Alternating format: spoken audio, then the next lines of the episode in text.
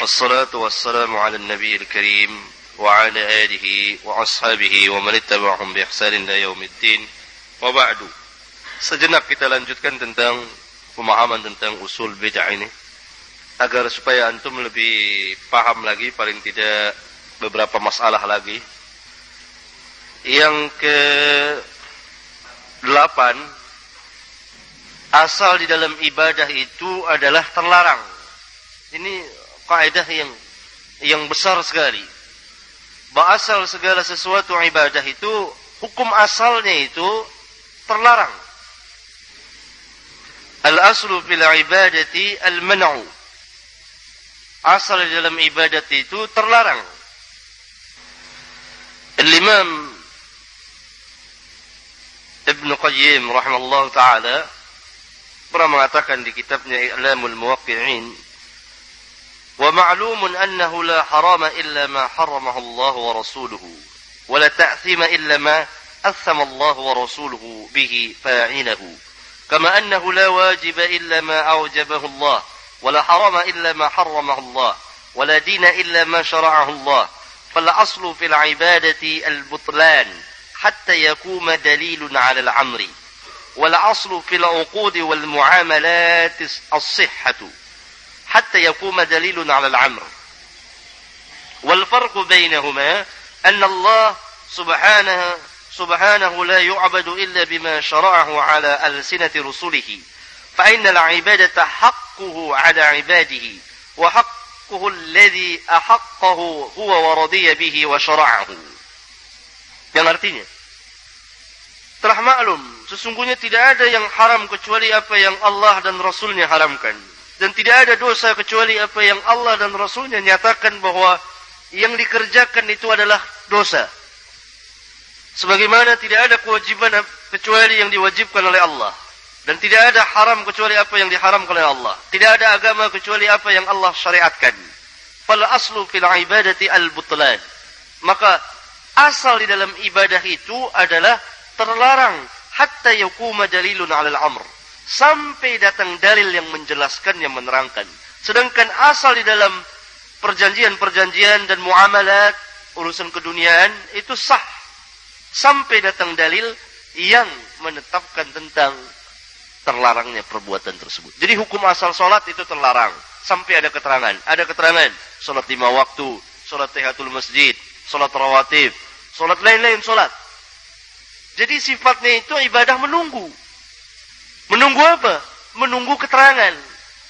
Tidak boleh dikerjakan hukum asalnya sampai datang keterangan dalil. Ini qaidatun 'azimatun, kaidah yang sangat besar sekali. Tidak boleh dikerjakan satu pun ibadah tanpa ada keterangan. Al-aslu fil ibadah al-man'u.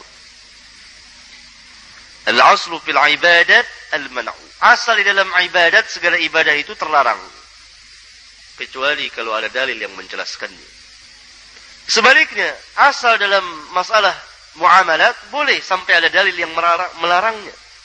Jadi dalam masalah ibadah tidak dibutuhkan dalil mana larangannya, itu tidak dibutuhkan. Maulid umpamanya dikatakan bid'ah. Lalu orang mengatakan, mana yang melarang maulid itu? Ini pertanyaan sebetulnya dari orang yang tidak mengerti tentang kaidah-kaidah yang besar ini kaidah-kaidah yang demikian besar. Kenapa? Mengembalikan kepada hukum asal. Orang yang mengadakan maulid itulah yang harus memberikan dalil. Ini kaidah. Jadi asal dalam ibadat itu terlarang. Tidak boleh dikerjakan. Sebaliknya asal dalam muamalat itu boleh. Kita kerjakan apa saja sampai ada larangan. Yang satu ketetapan, yang satu larangan. Yang satu perintah, yang satu larangan. Jadi orang yang mengadakan sesuatu ibadah itu itu yang wajib memberikan dalil. Sedangkan orang yang melarangnya tidak boleh beribadah itu mengembalikan kepada hukum asalnya itu. Hukum asal ibadah itu tidak diperbolehkan. Yang kesembilan, bagaimana kita mengenal bid'ah itu? Kita sudah membahas bahwa syarat amal diterima, amal soleh itu diterima adalah ikhlas, beribadah karena Allah, dan yang kedua mengikuti sunnah Rasulullah sallallahu alaihi wa ala alihi wasallam. Sekarang bagaimana kita mengenal sesuatu perbuatan itu bid'ah? Kalau tadi beberapa masalah yang lalu kita membahas tentang sebab-sebab terjadinya bid'ah. Sekarang bagaimana cara kita mengenal perbuatan yang bid'ah atau tidak? Pertama, setiap yang menentang sunnah, baik berupa perkataan, perbuatan atau akidah, meskipun datang dari dari dari ijtihad seseorang, dari ijtihad seorang mujtahid, itu masuk ke dalam bagian bid'ah. Menentang sunnah, perkataan, perbuatan atau i'tiqad. Meskipun itu dari ijtihad. Contohnya tentang firqah-firqah yang ada sekarang ini, yang begitu banyak nih. Yang kedua, setiap urusan atau amal yang mendekatkan diri kepada Allah padahal Nabi telah melarangnya, padahal Rasulullah wasallam telah melarangnya. Seperti puasa sepanjang zaman. Puasanya sunnah tapi sepanjang zamannya ini telah dilarang oleh Rasulullah terus menerus. Ini setiap ibadah, setiap urusan yang mendekatkan diri kepada Allah tetapi telah dilarang oleh Rasulullah. Dikerjakan bid'ah. Yang ketiga, setiap urusan yang tidak mungkin disyariatkan kecuali dengan nas atau tauqif. Padahal tidak ada nas, maka itulah bid'ah. Kecuali yang datang dari sahabat dan amal itu diulang-ulang dan disaksikan oleh sahabat banyak oleh sahabat yang lain dan tidak diingkari, maka bisa terjadi ijma' sahabat. Jadi setiap urusan, setiap amal yang tidak mungkin disyariatkan kecuali dengan nas, tidak ada nas. Maka itu bid'ah. Yang keempat, adat-adat kebiasaan kufar. Adat-adat orang-orang kufar yang masuk ke dalam kaum muslimin dan dijadikan sebagai satu ibadah. Tidak syak lagi maulid masuk dalam hal ini. Bid'ah. Jadi kebiasaan kufar masuk ke dalam kaum muslimin dan itu dijadikan sebagai ibadah atau kebiasaan kufar itu dijadikan ibadah oleh kaum muslimin. Di antara kebiasaan kufar adalah memperingati Natal. Nah, banyak lagi tasyabbu bil kufar. Itu yang keempat. Yang kelima, Al-gulu fil ibadah. Melampaui batas dalam ibadah. Allah tabaraka wa ta'ala telah melarang melampaui batas ini. Ahlul kitab itu, Nasara yang dimaksud di sini, telah melampaui batas. Sehingga mereka jadikan Isa bin Maryam Tuhan atau anak Tuhan. Maha suci Allah dari apa yang mereka katakan. Al-gulu fil ibadah. Lihat jamaah haji itu menimpuk jamrah itu dengan batu-batu besar, bahkan dengan sendal, dengan sepatu, dengan payung. Ini al-gulu. Nabi memerintahkan dengan batu kerikil sebesar biji korma. Itu melampu itu itu itu saja sudah termasuk dari bagian al-gulu. Melampaui batas yang telah ditetapkan oleh syarak itu termasuk bagian daripada gulu. Itu yang kelima. Yang keenam, apa yang dikatakan disukai oleh sebagian ulama padahal tidak ada dalil. Khususnya ulama-ulama mutakhirin. Disukai ini, disukai itu. Tetapi tidak ada dalil.